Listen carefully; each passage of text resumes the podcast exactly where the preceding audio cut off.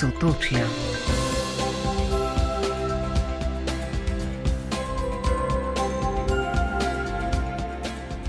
Dober večer, lepo pozdravljeni vsi, ki ste se odločili za družbo rojakov iz sosednjih držav.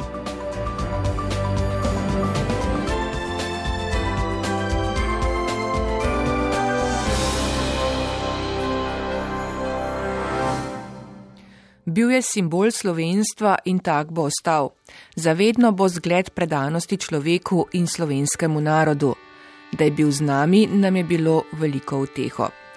To je le nekaj misli, ki so jih predstavniki slovencev v Italiji izrekli danes ob smrti Borisa Pahorja, dobitnik najvišjih slovenskih in italijanskih državnih odlikovanj ter francoskega reda Legije časti, preširnove nagrade in številnih drugih priznanj, se je zavedno vtisnil v kolektivno zavest slovencev v Italiji. Senatorka Tatjana Rojc je z njim tesno sodelovala kar 20 let. Pahor nikoli ni slekel svoje zebraste suknje. Večkrat mi je povedal, tudi če ne govorim o tem, sem v taborišču s svojimi tovariši vsak dan. In kot poslednji prečevalec požiga Narodnega doma mi je tudi zaupal prav pred eh, prvim podpisom tako imenovanega protokola. Mi je zaupal, ko bomo podpisali dokončni akt, potem bom lahko mirno šel na unisvet. In ga je res dočakal 28. marca. Tatjana Rojc se je Borisu Pahorju danes poklonila v senatu v Rimu. Nekaj spominov na srečanja in pogovore z njim pa bo z nami delila Mirja Muženič, dolgoletna dopisnica iz Trsta in soustvarjalka odaje, ki jo poslušate. Slovence v Italiji je smrt velikega rojaka pretresla, pravi tudi Ksenja Dobrila. Na sobotnem kongresu je bila vnovič izvoljena za predsednico Slovenske kulturno-gospodarske zveze. Izvolitev jo je dodaja presenetila. Zakaj? Tudi o tem več v nadaljevanju. V soboto se je v državnem zboru na pristojni komisiji za odnose Slovenci v zamejstvu in po svetu predstavil Matej Arčon. Kandidat za ministra brez listnice je prepričan, da ima urad vlade za Slovenco za zamejstvu in po svetu zelo pomembno vlogo. Sicer urad je majhen, ampak ima zelo, zelo velik pomen. In uh, v bistvu je ta resor, ki na nek način prepleta gospodarstvo, kulturo, šport in seveda je rdeča nit resorja tudi slovenski jezik in učenje slovenskega jezika. Uh, je nek način tudi središče državnosti in identitete in upetosti naš, naše države v, v mednarodni prostor. Komisija ga je z devetimi glasovi za in dvema proti podprla. Kaj je kandidat za ministra pristojen za slovence zunaj meja matične države povedal o svojih ključnih ciljih in nalogah, pa podrobneje v nadaljevanju odaje.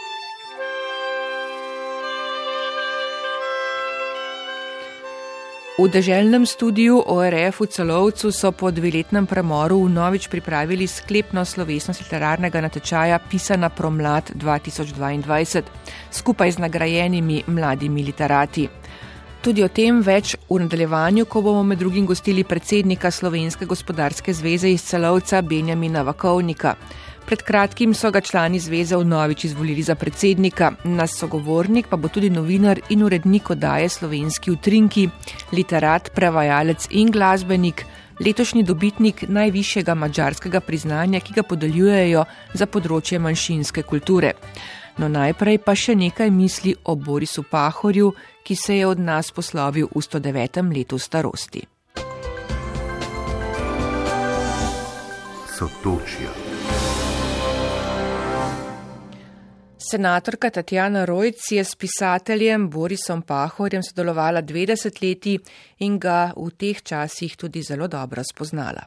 Njegova moč, njegova jasnovidnost, kdaj pa kdaj tudi pikra, stroga beseda, eh, to so eh, vrednote, eh, ki so zaznamovale njegovo življenje, ampak mislim, da so zaznamovale tudi ne samo vse slovence, ki živimo v Italiji in vse primorce, bil je simbol slovenstva in tak bo ostal uh, v spominu vseh nas, ne samo tistih, ki smo ga osebno poznali, ampak tistih, ki ga poznajo iz njegovih knjig, ki so ga poslušali, ki so uh, lahko imeli občutek, da živijo ob živi legendi.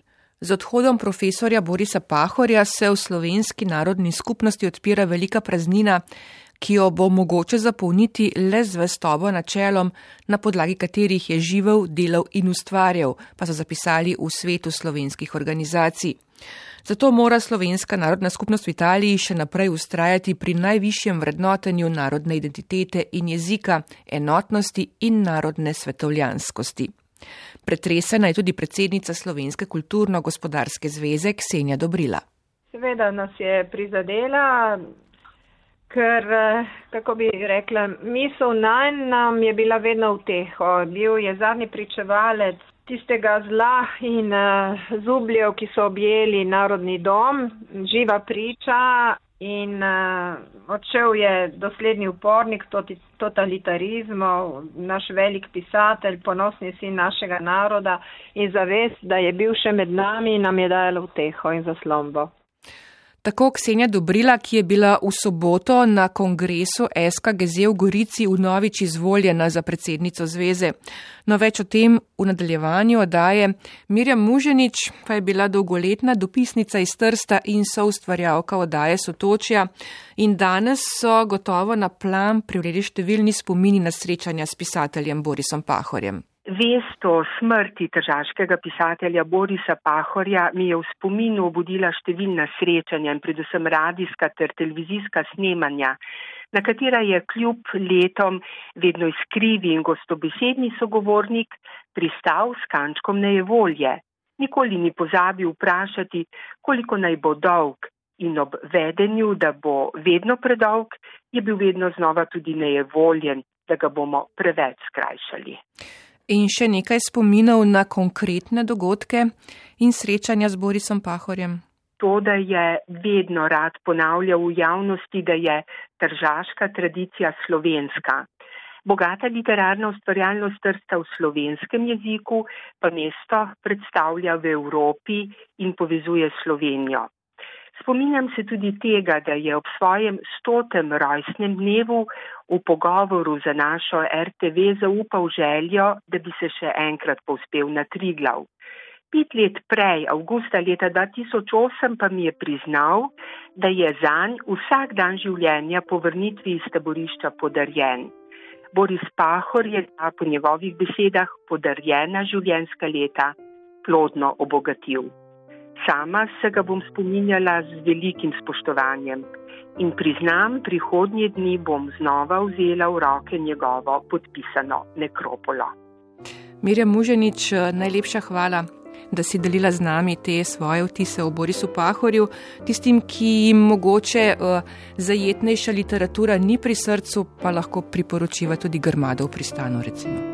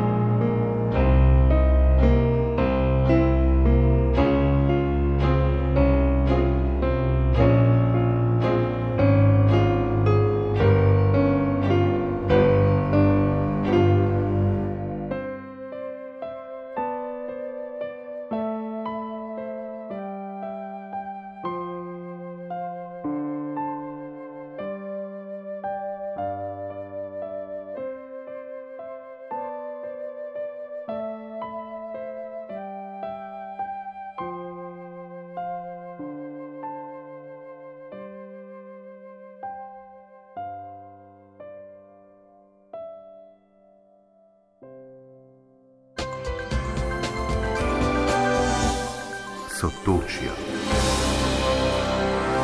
K slovencem v Italiji se bomo v nadaljevanju odaje še vrnili, zdaj pa v Ljubljano, kjer je v soboto dobro uro trajala seja Komisije za odnose Slovenci v zamejstvu in po svetu, na kateri se je predstavil kandidat za ministra pristojnega za to področje Mataj Arčon. Kot je povedal v uvodu, je, ker je rojen v Novi Gorici, zavedanje o pomembnosti in posebnosti obmejnih območij globoko zakoreninjeno v njegovo razumevanje sveta. Menim in sem trdno prepričan, eh, da sta na eni strani percepcija in na drugi strani perspektiva dve ključni kategoriji pri uspešnem vodenju resorja, ki ga želim eh, prevzeti. Kot osebno in zelo pomembno izkušnjo čezmejnega sodelovanja in povezovanja je Matej Arčon, ki je bil dva mandata župan Nove Gorice, omenil ustanovitev Evropskega združenja za teritorijalno sodelovanje občin Gorica in Nova Gorica. Smo povezali dve instituciji, dve občini, dve občinski upravi, dve različni birokraciji, če temu rečemo, ne, z željo po poenotenju tega prostora v bistvu je bil na nek način unikum od, vsak, od samega podpisa uh, do uh, realizacije prvega projekta, radi rečemo, dokler nismo zakopali prve lopate, ne, je minilo deset let. In dejansko smo res orali ledino uh, na tem področju, tudi v smislu, da je to združenje ustanovljeno v Republiki Italiji in hkrati je bil upravičenc do investicij v Republiki Sloveniji. In hkrati je dalo uh, velik pomen slovenski narodni manjšini v Italiji. Jaz sem prepričan, da je to, da se je zavestno odločila občina Gorica se povezati z Novo Gorico v neko združenje in snovati skupne projekte, dvigalno samozavest našim slovencem. In to vrstni projekti bi bili možni tudi z drugimi sosednjimi državami, pravi. Se pravi, imamo nek vzorčni projekt, ki lahko z uh, neposrednimi uh, sredstvi, ki jih daje Evropska unija in tudi Evropska unija zelo podpira, lahko ciljno usmerimo v neke čezmejne projekte, kjer vključujemo slovensko manjšino. Izzivov je veliko v vseh štirih sosednjih državah, preprostih rešitev pa ni potreben je dialog, je dejal in med drugim omenil tudi prenovo krovnega zakona sprejetega leta 2006. Vlogo urada vidi kot koordinatorja med različnimi ministrstvi. Lahko rečem, da sem zelo zadovoljen, ko sem videl financiranje urada, kar posledično pomeni sofinanciranje delovanja eh, naših organizacij, eh, ki so Eh, vsako leto večja, prihodnje leto v sprejetem proračunu celo rekordna, kar je zelo pohvalno in daja rekel, pozitivne obeti naprej. Vsekakor vidim potrebo urada, da še naprej je nek koordinator uh, med resori, med ministrstvi, bodi si na področju uh, gospodarstva, ne, tu so bili narejeni koraki, tudi podpis dogovora urada z MGRT-jem o financiranju projektov v porabju, mislim, da celo 2 milijona evrov, kar je spodbudno, kar bo dalo lahko nek, nek zagon tudi mladim, da ostanejo na tem področju. Ne. Na vprašanja poslancev, predvsem iz vrst SDS, o konkretnih projektih je odgovoril, da so ti odvisni predvsem od drugih ministrstev, urad pa, kot pravi, je koordinator. Bilo je omenjen tudi akcijski načrt. Ja, ena mojih prvih nalog je, da se osebno seznanim z stanjem na terenu, s pobudami, ki bodo prišli z terena in dejansko pripraviti akcijski načrt, ki ga lahko implementiramo skozi različna ministrstva. Mislim, ključna naloga urada, da zazna potrebe na terenu in da skozi vlado in skozi ministrstva jih tudi implementira. Projekti pa morajo biti usmerjeni glede na potrebe ljudi. Z dialogom se lahko odnosi izboljšajo. To velja tudi za učenje slovenskega jezika na Hrvaškem, je prepričan Mataj Arčon. Ja, veliko pozornosti, tudi uh, povečanje sredstev na Ministrstvo za izobraževanje za uh, poudarek učenja slovenskega jezika se mi zdi ključno mi smo kot narod obstali na račun kulture in, in jezika in temu moramo dati prednost, vsi skupaj. Digitalizacija je pomembna, tudi kandidat za ministra za slovencev za mojstvo in po svetu stavi na osebni stik. Ta je posebej pomemben prav pri učenju slovenskega jezika, kaj pa mladi in njihova vključenost v društva. Verjetno je tle potrebno dobiti način, kako financirati ta društva in na kakšen način pritegniti mlade, da bodo delovali v teh društvih. Mogoče verjetno ni več toliko čas, da se mladi vključujejo v društva in pojejo v pevskih zborih in igrajo uh, dramske krožke, kar je seveda še vedno za, za spodbujati.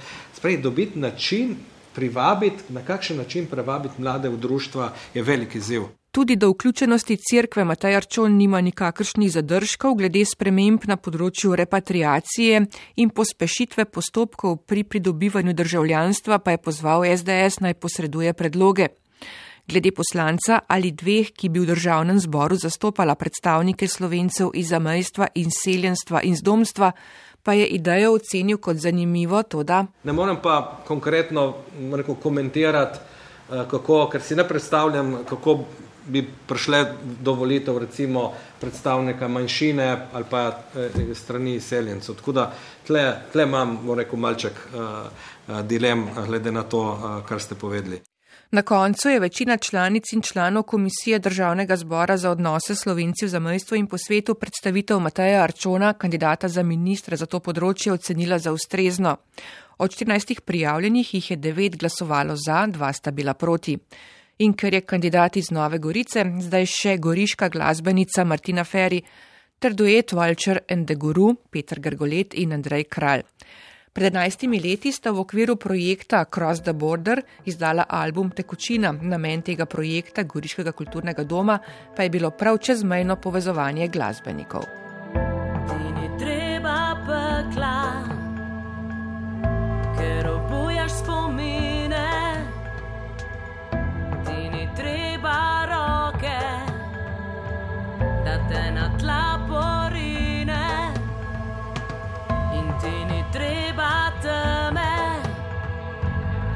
Te dovolj ne skrije. Ti ni treba svetlobe, ki te ne segreje. In hočeš kričati, ker te ne slišiš.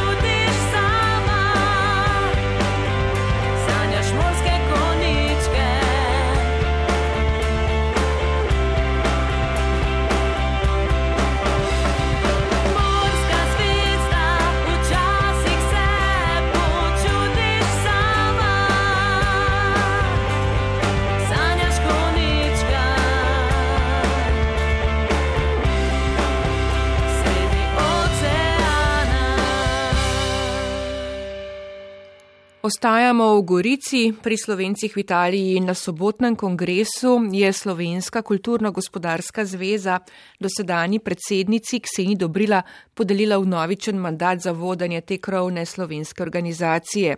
Pa je izvolitev s tričetrtinsko podporo presenetila? Pravzaprav bi rekla, da ja. Glede na m, trenja, ki so se pojavila v zadnjih mesecih in m, vse razne uh, vrtince dogajanj in uh, tako, jaz sem računala, da bom da bo nižja in pravzaprav sem se spraševala, kako bo. Odkot ta trenjak? Kaj menite je vzrok za, za njih? Uh, poglejte, jaz sem se skušala pogovarjati z vsemi sredinami, prisluhniti čisto vsem.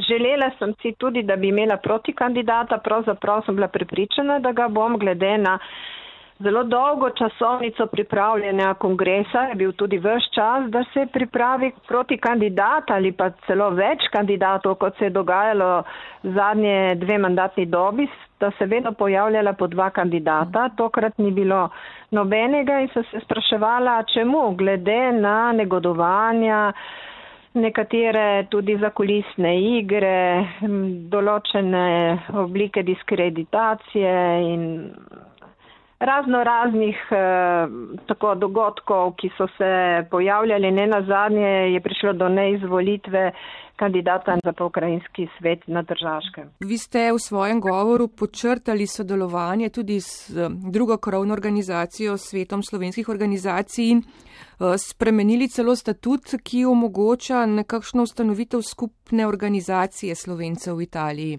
Glede, eh, SKGZ je trdno na tem stališču, da bi morali imeti dvoje pljuč in ene možgane, ki skladno delujejo za našo narodno skupnost. Da se bi ne odpovedali našim izvornim koreninam in eh, našim nazorom, ki nas profilirajo, ampak da bi izdelali neko nadgradnjo obeh krovnih mhm. organizacij v smer nekega malega parlamenta mhm. narodne manjšine. Neka skupščina, ki bi koordinirala in delala na vseh relevantnih eh, področjih naše narodne skupnosti, kar dejansko že delamo, samo v dveh, ne, ni pa neke priznane koordinacije. Mhm. In tudi izvoljene morda? Seveda izvoljene, zato bi potrebovali najprej dogovor znotraj manjšine in potem pravila. Tako kot pri uh, slovencih na avstrijskem koroškem, se tudi pri vas o tem že razmišlja desetletja. Ne? Že na drugi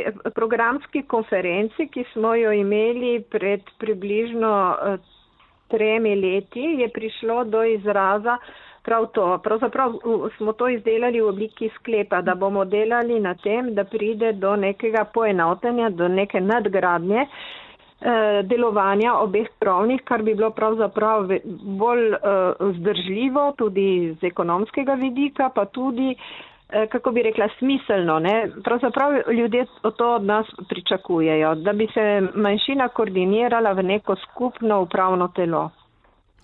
In to bo cilj za prihodnji mandat? Ne bi rekla, da je to eden primarnih ciljev, čeprav je to zelo, zelo pomembno, ker zato pot, rabimo konsens tudi druge mhm. organizacije. Ne? Mislim, za, za neko poroko ali potrebujemo dve osebi, ne? ne more se nihče poročiti sam seboj. Zato uh, čakamo na, na odziv še druge krovne organizacije, kako se misli premika s tem v zvezi. In če, če je eh, s tem, da je potrdila tudi sklep druge eh, programske konference, če se s tem strinja in da če gremo naprej in udejanjamo ta cilj. Omenili ste, da to ni med uh, prioritetnimi nalogami ta hip, kaj pa je po vaši, po vaši oceni najnujnejše? Zagotovitev predstavnika v rimskem parlamentu je najbrž eno od teh ključnih, ne? Eh, poglejte, to je vsekakor uh, glavni uh, cilj vse cele not, naše narodne skupnosti in sicer, da ohranimo participacijo našega predstavnika v, v, v Rimu, tam, kjer je srce odločanja, kjer, ker ta predstavnik je vir informacij in tudi pričevalec naših pričakovanj. Ampak to pomeni ne nadgradnja, ampak samo ohranitev tega, kar, kar imamo. Moramo pa tudi razmišljati o, o razvoju in sicer moramo odigrati aktivno vlogo v institucionalnem paritetnem odboru, v deželjni posvetovalni komisiji, na omizju za slovensko manjšino in tam razvijati vsebine na vseh področjih našega delovanja, od pravnega varstva do, do zaščite pravic, identitete, o zastopanosti na področju gospodarstva, kmetijstva, jezika, na razvoja mladih in kadrovanja na področju izobraževanja, športa, kulture, medijev na socialnem področju, na področju raziskovanja, torej na vseh področjih, kjer se giblje in živi naša civilna organizirana družba. Ja, čestitke Kseni Dobrila, predsednici Slovenske kulturno-gospodarske zveze, ki so ji na sobotnem kongresu v Gorici zaupali v novično vodenje te organizacije. In še kar smo v Gorici, čestitke tudi mešanemu mladinskemu pevskemu zboru Emil Komel. Konec tedna je namreč na zborovskem tekmovanju naša pesem 2022 v Mariboru osvojil vrhunsko tretje mesto. Tale pesem, ki sledi, pa je izpred leta dni, ko so sodelovali na koncertu v slovenski filharmoniji.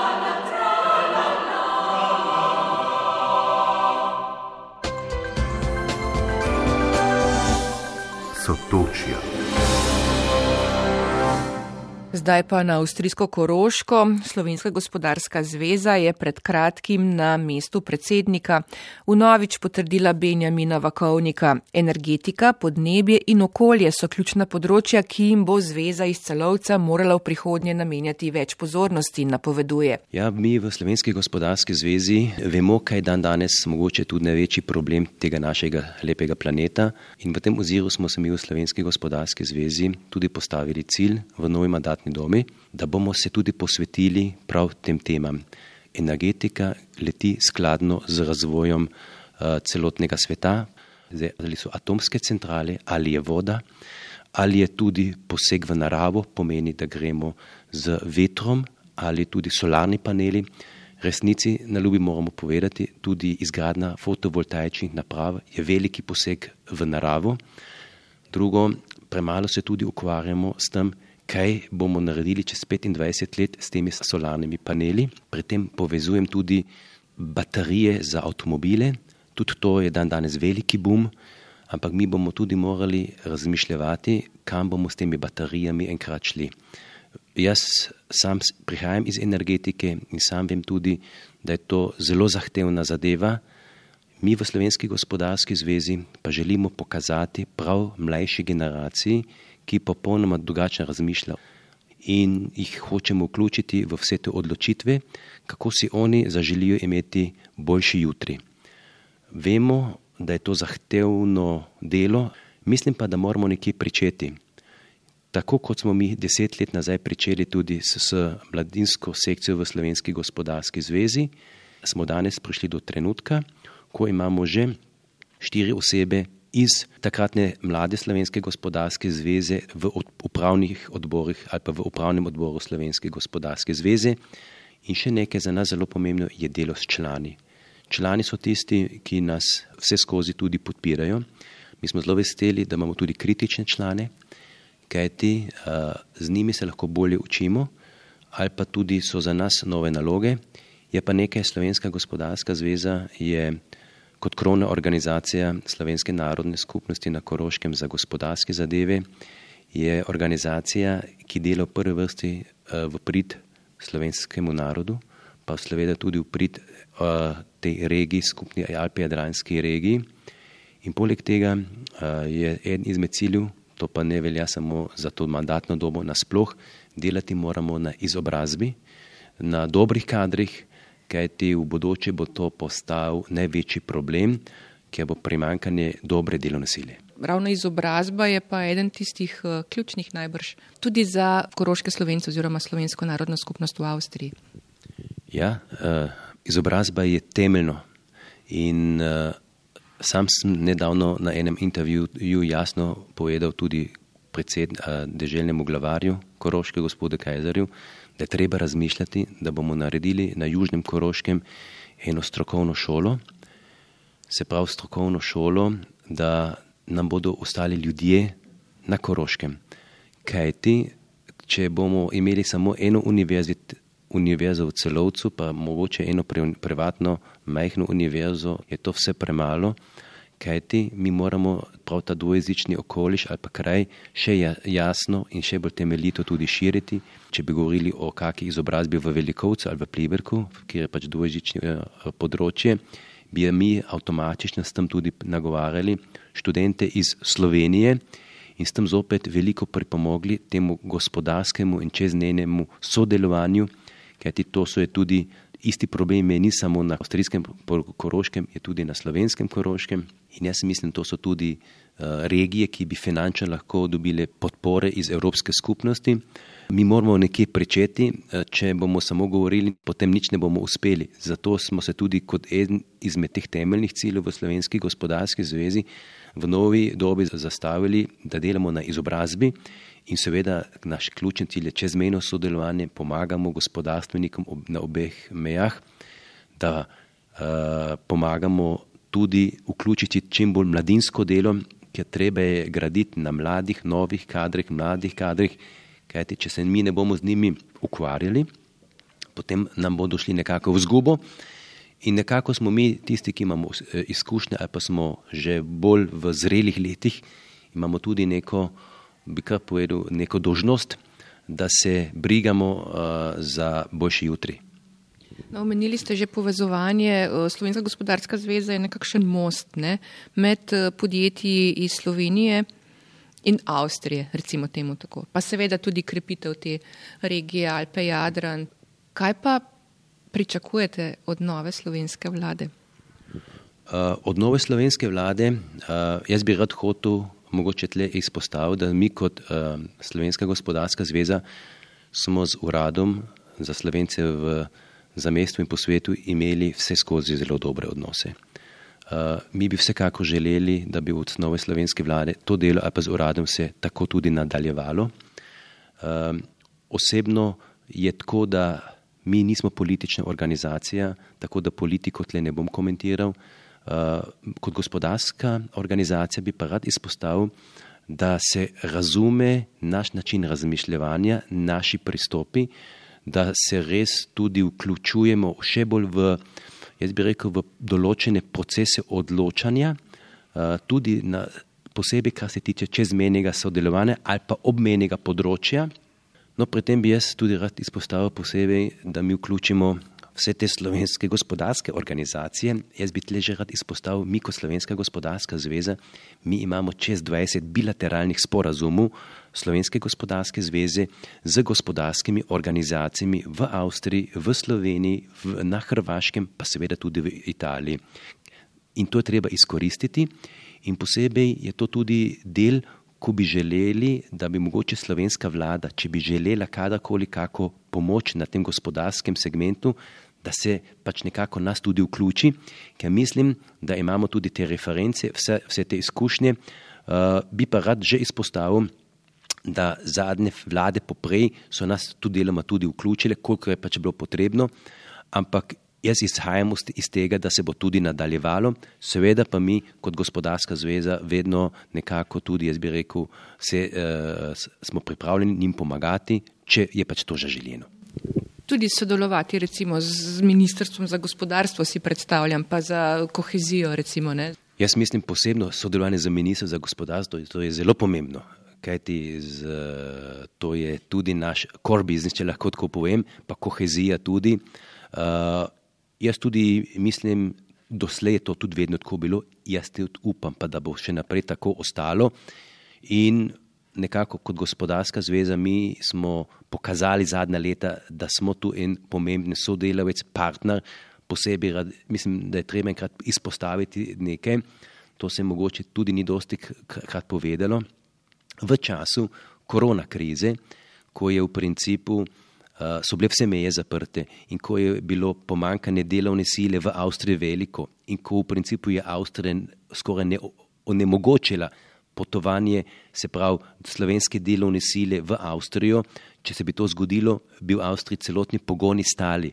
Takrat mislim, da je prav Slovenska gospodarska zveza prevzela eno zelo pomembno vlogo, ko smo bili vključeni v vse te procese sodelovanja, pogajali smo se tudi uh, z deželno vlado na Koroškem, na Štajerskem, na Dune, tudi z ministrstvi na, Slo na slovenski strani in bi rad tudi povedal, da je to izjemno dobro funkcioniralo. Rezultat je bil, da so ljudje lahko brezhibno potovali in na koncu dneva, ker je važno povedati, tovarne niso bile obustavljene, pač pa tovarne so uh, proizvajale naprej in tako, to je tudi to je delo, ki ga delamo in z veseljem smo to naredili. Zdaj pa, če greva še tam, kjer smo začela pri energetiki, ne, ki je pa zdaj sploh eno zelo pomembnih področji zaradi vojne v Ukrajini. Kaj pa tu? Kakšne so pa tu po vaši oceni možne rešitve? Evropa bi se zdaj rada nekako odklopila od ruskega plina. A je to sploh možno? Uh, jaz moram tu absolutno povedati kot gospodarstvenik, mislim, če se bo to, to, to zgodilo, da bomo odklopljeni, jaz tudi lahko povem tudi za eno Avstrijo, ki je res izjemno odvisna od uh, ruskih energentov. Če se bo to zgodilo, bodo hude posledice. Posledice bodo takšne, da bodo uh, tovarne eh, stale, da ne bodo delale, nekoliko tisoč ljudi bo brezposlenih, razumete? In uh, tako da jaz upam, da do tega ne bo prišlo. Uh, seveda mora pa tudi uh, se z Rusijo najti eno pametna rešitev. Razumete, prid mora takoj do prenehanja te, te vojne ali pa tega vojnega stanja, tako se ne da nadaljevati. Ampak vse posem bo ta uh, plinska kriza nas zelo vse prizadela, posebej pa Evropo. To je pa treba povedati, kajti uh, ostale, ostali kontinenti teh težav nimajo, kot jih imamo mi. A pa ima recimo Avstrija kakšen B-plan v primeru, da se dejansko vzpostavi neka blokada? Polite, mi imamo enega največjih plinohramov Evrope. En plinohram imamo v bližini Dunaja, drugi plinohram je pa v bližini Salzburga, ki je pa v principu v lastništvu Nemcev. Nemci pa ta plinohram niti ne koristijo, tako da bo zdaj Avstrija tudi tale plinohram na lastne stroške napolnila do zime. Kako dolgo bo pa zdaj ta plinohram dejansko lahko deloval, to neki pravijo, da bi to do 3-4 mesece bilo, ampak tudi tu se mora potem vlada odločiti, ali najprej damo plin na razpolago za gospodinstvo ali pa damo industriji. Seveda bo na prvem mestu vedno gospodinstvo, to nimaš kaj, ker ljudje ne morejo v, v temnem sedeti ali pa v hladnem sedeti. Tako da uh, vprašanje je zelo težko. Če bi imel kak recept, bi ga vam rad povedal, ampak osebno bi pa to bi pa že rad povedal, sem pa že optimist, da bomo, upam, preko sled do ene pametne rešitve prišli. Vsaj pred zimo. Ja, moramo, zagotovo. Jaz sem tu optimist. Benjamin Vakovnik, predsednik Slovenske gospodarske zveze iz Celovca, hvala za pogovor in uh, uspešno še naprej. Polepam hvala. Jaz pa grem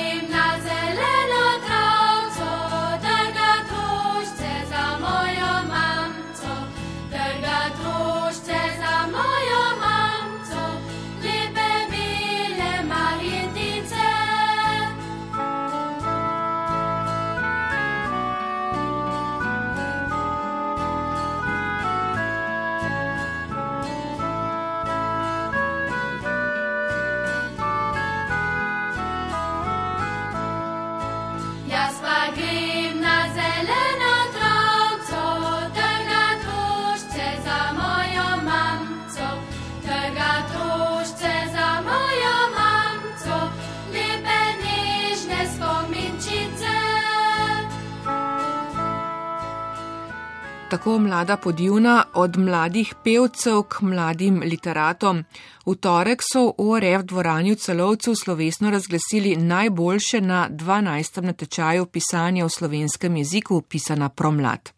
Po dveh letih je prireditev potekala skupaj z nagrajenimi literatkami in literati, zato je bilo še toliko bolj veselo in slovesno. Natečaj ob sodelovanju obeh krovnih kulturnih organizacij koroških slovencev in Društva slovenskih pisateljev v Avstriji pripravlja Volbankova ustanova, predsednica upravnega odbora Šira Fera Tišler. Podpiramo otroke in mlade, ki govorijo in se učijo slovenščine v upanju, da bomo krepili jezikovno kompetenco in samozavest naše mladine. Letos je sodelovalo 687 mladih, katerim je stalo ob strani 52 mentoric in mentorjev na 34 izobraževalnih ustanovah, oddanih pa je bilo kar 768 besedil. Tako urednik Niko Kuper, ki je povezoval javno razglasitev najboljših mladih literatk in literatov, nekdani predsednik Društva slovenskih pisateljev v Avstriji, njegova naslednica, predsednica strokovne žirije Amina Majetič. Za vašimi prispevki pa nista le vaša ustvarjalnost in individualnost. Vaši prispevki so del uspešne celote, ki doprinese med drugim k ohranjanju slovenske besede, kulture in piše še lepo promladno zgodbo v svetu literature. Skupnimi močmi zmoremo marsikaj. Amina Majetič, ki je tudi sama prve literarne korake naredila prav na pisani promladi, mladim literatom svetuje. Vsak prispevek je bil unikaten in ravno to nas dela tako posebne. Zato ostanite zvesti samim sebi, stojte za svojimi besedami, tudi tistimi napisanimi, in naj vas spremljajo pogum in volja na vaši literarni poti. Naj vam bodo to vrstni natečaji motivacija, a pišite predvsem zase. Pišite, da bomo lahko brali velike skrivnosti. Prav skrivnosti so namreč čar pisanja. Tudi tokrat so bile teme različne, prilagojene starostni skupini. Najmlajši so tako pisali o prijateljih. Najboljša pa je bila Mira Koncilija iz slovenske gimnazije. Mi se imamo radi, radi, radi, radi.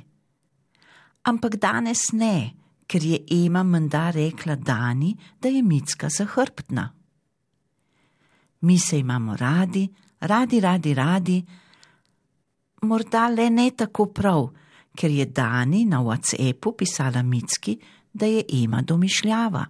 In je bilo težko pisati na to temo, ali je ti bila? Ne, je bilo lahko, uh -huh. ampak sem zelo presenečena. presenečena.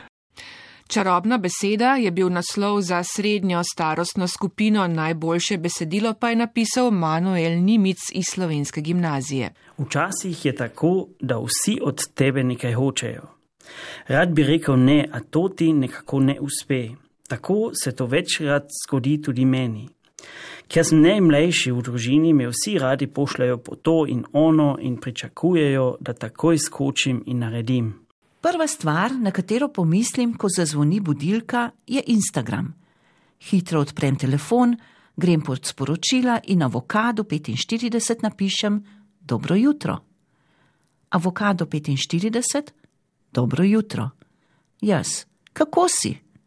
Avokado 45, v redu. Ti? Jaz, v redu, lep dan. Avokado 45, enako. To pa je delček zmagovalnega besedila Larise Tomšič, Šempetrske visoke šole za gospodarske poklice. V višji starostni skupini je bila namreč tema Dobar dan skozi ekran. Posebno nagrado za besedilo iz šole, kjer slovenščina ni učni jezik, je tokrat dobila Kiti Varga. Stara sem 13 let in že 9 let živim na Koroškem. Rojena sem gluha. Imela sem dve operaciji in lahko slišim imam dva slušna aparata. Zdaj hodim v tretji razred srednje šole Bekštan. V šoli se učim nemščino, angliščino in slovenščino. Jaz se rada učim jezike, rišem in telovadim. In zakaj si napisala besedilo zapisano promlad? Ker rada govorim in pišem o sebi. In zakaj se ti učiš slovenščino? Ker mi je všeč. Tako Kiti Vargam, Laura Praster pa je dobila posebno nagrado za najboljše besedilo v narečju. Zraven konjščega gnoja prštehvanje je canetel na tleh ležu. Ga kar jednje vidu, kaj da je buteka. Dilce ad faslna sa skakale, zugledanje bo lepe. Na konje sa die Bub bei ich meiten, železen kolče trofu mheklies. Šesti A razred. Slovenskega gimnazija. Ja, in uh, predvidevam, mentorica ti pri tem besedilu ni mogla pomagati. Ne, ampak moja prababica Ja. mi je pomagala pri um, iskanju besed Uh v -huh. narečju. Ja. To je bilo zdilsko narečje. ja, Ja, in mentorica, da jo kljub temu omenimo še, seveda. profesorica Ogres. Tako. Eh, Pisanje v narečju težko, v zilskem pa še bolj. Ja, ker ne znam narečja, nažalost, ampak ja, In se si- naučim zdaj. Čestitke vsem, ki so sodelovali in pisali o narečju, porabskem pa več v sklepnem delu tokratne oddaje, takoj potem, ko odpoje mlada podjuna.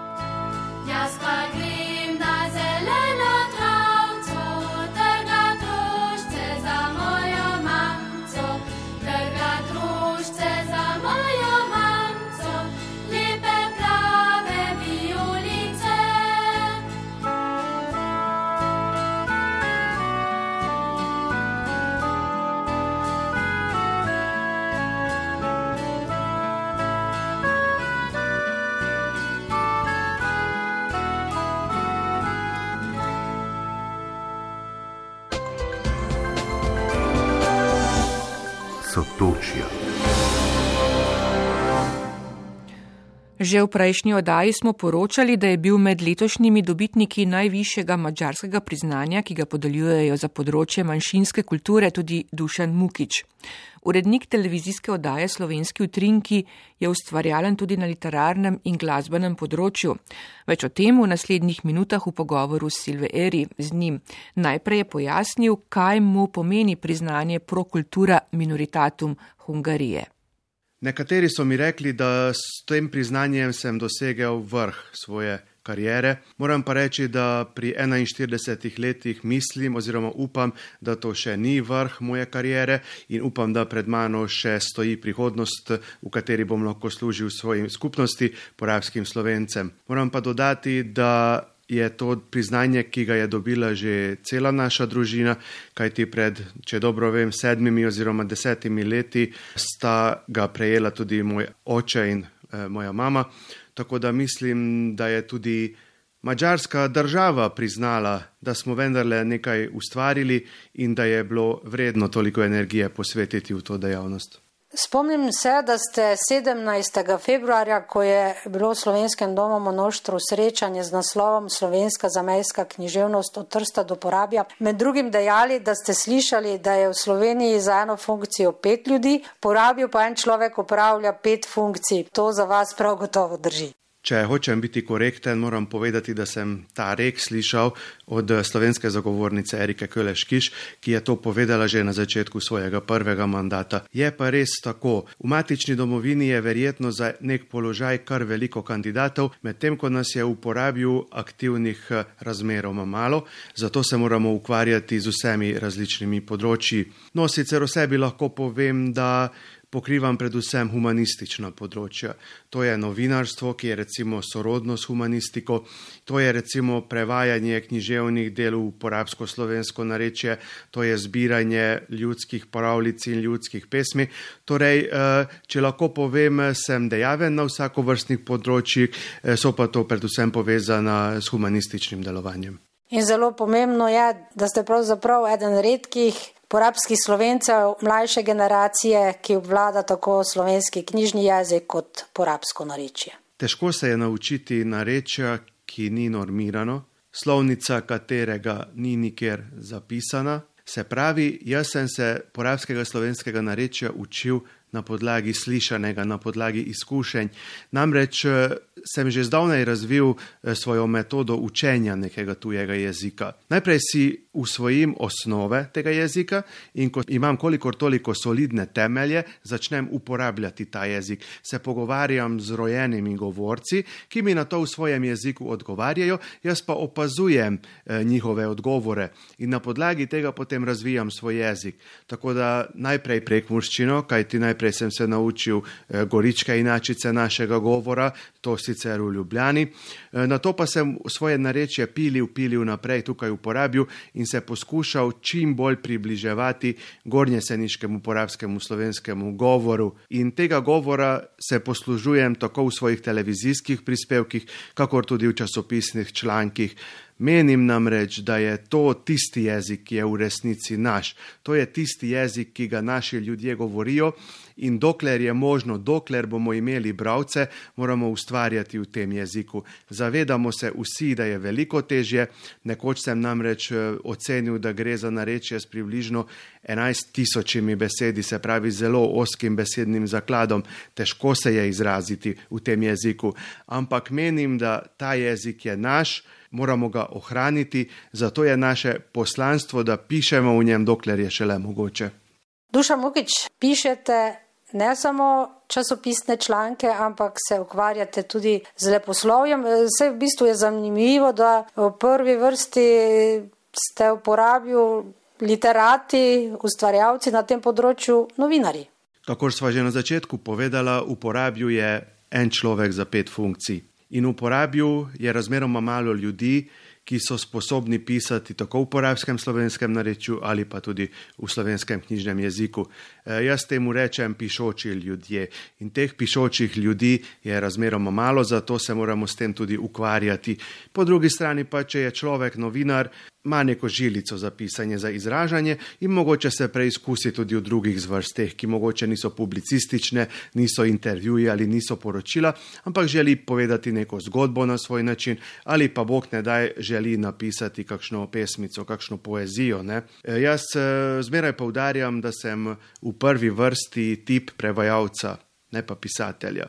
Se pravi, veliko večino svojega literarnega ustvarjanja sem posvetil prevajanju leposlovnih besedil v porabsko slovensko narečje in to sicer z namenom, da bi dokazal, da se v naši, lahko rečem pa stokrat sem rekel, mnogokrat zaničevani porabščini da napisati kakovostno literaturo. In zaradi tega sem prevedel recimo slovenske klasike iz 19. stoletja. Prevedel sem celo zbirko kratkih zgodb nekega znamenitega mađarskega pisatelja iz 19. stoletja. Zakaj poudarjam 19. stoletje? V porabju se je življenje konzerviralo vse tam do 70. let prejšnjega stoletja. Lahko rečemo, da v tistih letih so še ljudje živeli na Gornjem Seniku, recimo, tako kot so živeli pred stoletji. Železna zavesa je vse konservirala. In jaz, ko hočem dati literaturo našim preprostim ljudem, moram poseči po delih, ki so preprosta. Po delih, ki so napisana z ožjim besednim zakladom, oziroma ki govorijo o takih tematikah, ki so sorodne, ki so blizu našim porabskim slovenskim bravcem. Zaradi tega se odločam pač za avtorje eh, iz 19. stoletja. Moram pa priznati, da sem eh, se poskusil tudi v prevajanju poezije. Pravzaprav zelo rad prevajam balade evropskih narodov. Zakaj? Zaradi tega, ker je kakšno lirsko besedilo veliko težje prevesti v preprosto nareče, kot pa kakšno zgodbico. In o baladah vemo, da so to zgodbe, ki so povedane v verzih. In zato sem prevedel balade tako mačarskega kot slovenskega naroda, ampak sem segel tudi do Španije, do Francije in tako naprej. Vsekakor želim, da bi svojim porabskim bravcem dal štenje, kot mi pravimo, čitanje, torej čtivo. Dati jim štenje v maternem jeziku, da vidijo, da, da tudi oni lahko imajo svojo lastno kulturo, kar ti brez trdne kulture menim, da ni prave identitete. Ste tudi avtor besedila slovenske himne v porabskem narečju? E, nekoč e, so me vprašali, ali sem že prevedel zdravljico Franceta Prešerna v prekmurski oziroma porabski jezik narečje. Pa se je rekel, pa nisem še prevedel, ja, ker nekdo bi to potreboval in kaj bi bilo, če bi jaz to imel že prevedeno.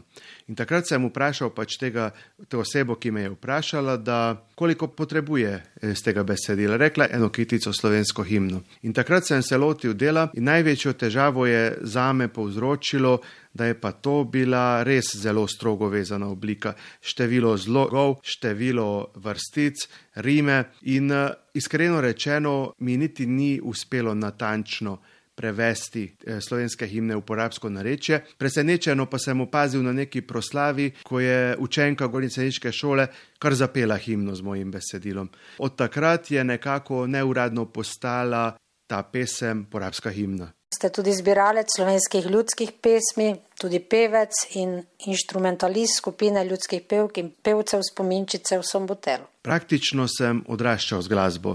Moj oče je harmonikar že od svojih mladih let, mama je tudi veliko prepevala in na klaviaturi sem se začel učiti igrati pri svojih niti več ne vem, morda sedmih, osmih letih in sem se nekako naučil igrati. Takrat smo rekli synthesizer, se je temu reklo. Ko pa sem prišel v osmi razred osnovne šole, sem videl, da je nek sošolec veliko večji frajer, ker igra na kitaro.